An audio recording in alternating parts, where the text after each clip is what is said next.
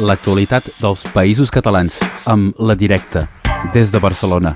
La Directa, diari digital per la transformació social. A Ràdio Arels.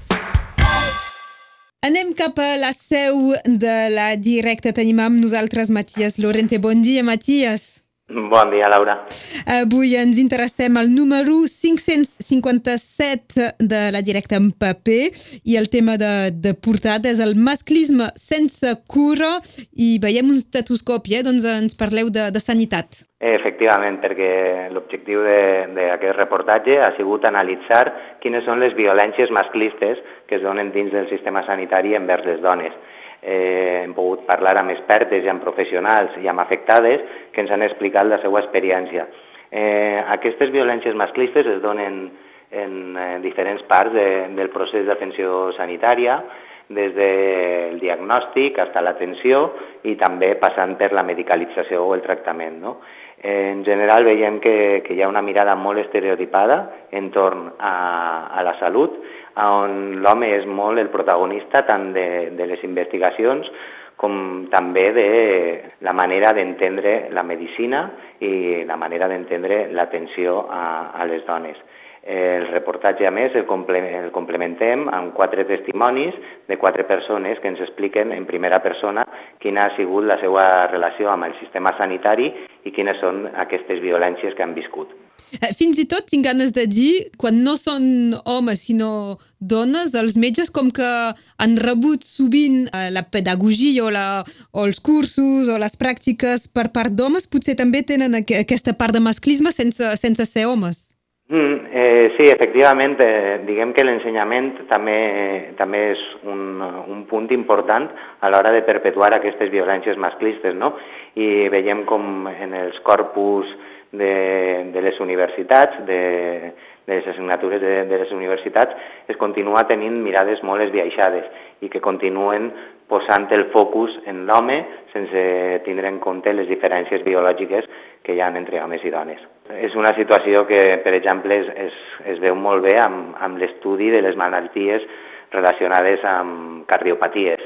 Eh, en un principi es considerava que era una, eren afeccions que afectaven molt més a homes, però amb el pas del temps s'ha vist que també afecta dones i en canvi no s'havia estudiat tant quines eren les sintomatologies o com els possibles tractaments que es podien donar.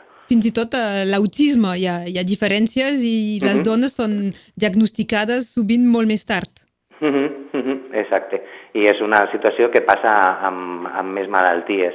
Eh, també veiem a nivell professional com hi ha moltes malalties que afecten sobretot a dones i en canvi no són reconegudes com, com malalties professionals perquè aquestes dones formen part de, pues, de, de entorns laborals que sovint estan poc organitzats o que tenen eh, poca capacitat de, de denúncia no? o de, o de reivindicació dels seus drets. Si us interessa, en tot cas, és uh, el dossier uh, principal d'aquesta revista en paper de la directa d'aquesta setmana, el número 557, en el qual es tracta també temes com la, la contaminació de, de l'aire en les escoles? Bueno, és en, en el cas de Barcelona, com bé sabeu, és una de les ciutats que més acusen els problemes de, de contaminació atmosfèrica.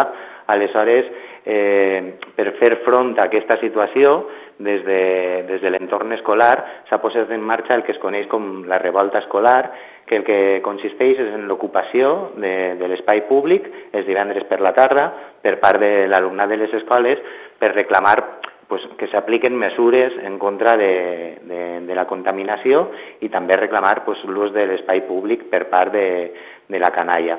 Aleshores, s'han implementat diferents mesures que compten amb el recolzament d'entitats veïnals com, com Eixample Respira, que és una entitat que treballa des del barri de l'Eixample per pues, tenir una, qualitat, una millor qualitat de l'aire i, entre altres iniciatives, estan implementant també el que es coneix com els bicibús.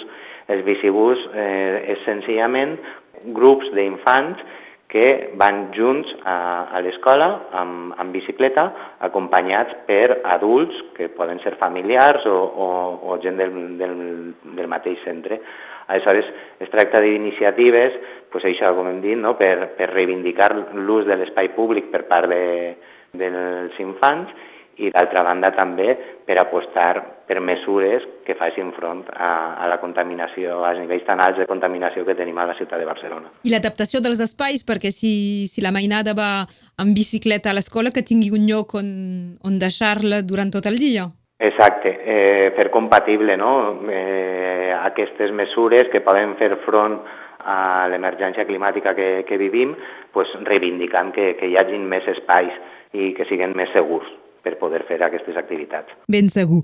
També, eh, més enllà de, de casa nostra, eh, heu eh, fet un dossier, un article sobre els 10 anys d'assassinats polítics de dones kurdes. Mm -hmm.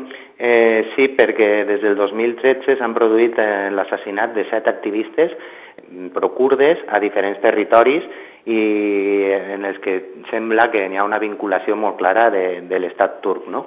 Comencem amb, amb l'assassinat de, de tres exiliades a París l'any 2013, eh, un cas que, que va aixecar molta, molta rebombori a escala internacional, però també arribem fins als assassinats que s'estan donant a, a l'àrea administrativa del nord-oest de, del nord-est de, de Síria, on s'estan produint atacs amb drons també contra persones que estan molt implicades en, en el moviment per l'alliberament del poble kurd. Tot això i més coses, moltes altres temàtiques estan al número de paper com també a través de la web a directe.cat. Avui eh, hem tingut les explicacions i aquests eh, detalls per part del Matías Lorente. Moltes gràcies, Matías. Moltes gràcies a vosaltres, Laura. Que vagi molt bé. Adéu, bon dia. Adéu, bon dia. L'actualitat dels països catalans amb La Directa, des de Barcelona. La Directa, diari digital per la transformació social. A Ràdio Arels.